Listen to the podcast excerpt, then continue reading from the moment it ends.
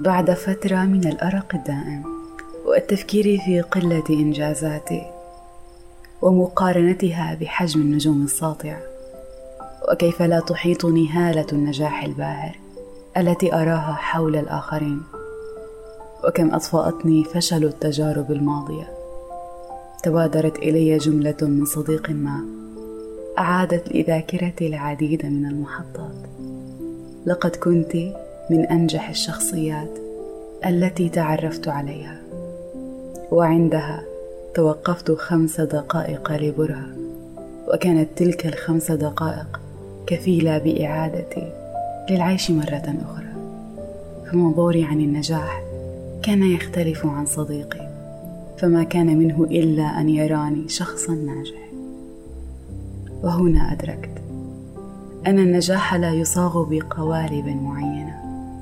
ليس له مفتاح سحري أو مفتاح واحد فكل منا له مفتاحه الخاص الذي يختلف من شخص لآخر. وهنا كانت نقطة البداية وإدراكي للعديد من النقاط التي صنعت مني شخصا جديدا. وأحيتني من جديد. أولا لا تسعى للكمال. ولا تقارن نفسك بأحد.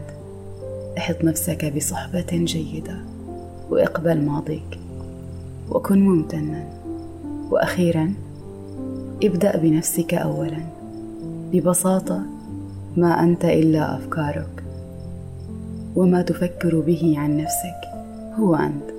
فعندما تقول أنك فاشل فأنت هنا أوصمت نفسك بفكرة فالفشل ما هو إلا فكرة.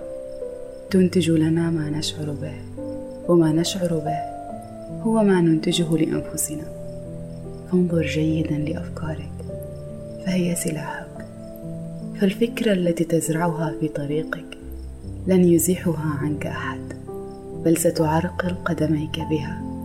أنت تحصد ما تزرع. لذلك كن ناجحا مع معتقدات ذاتك. فالعالم بأكمله موجود بعقلك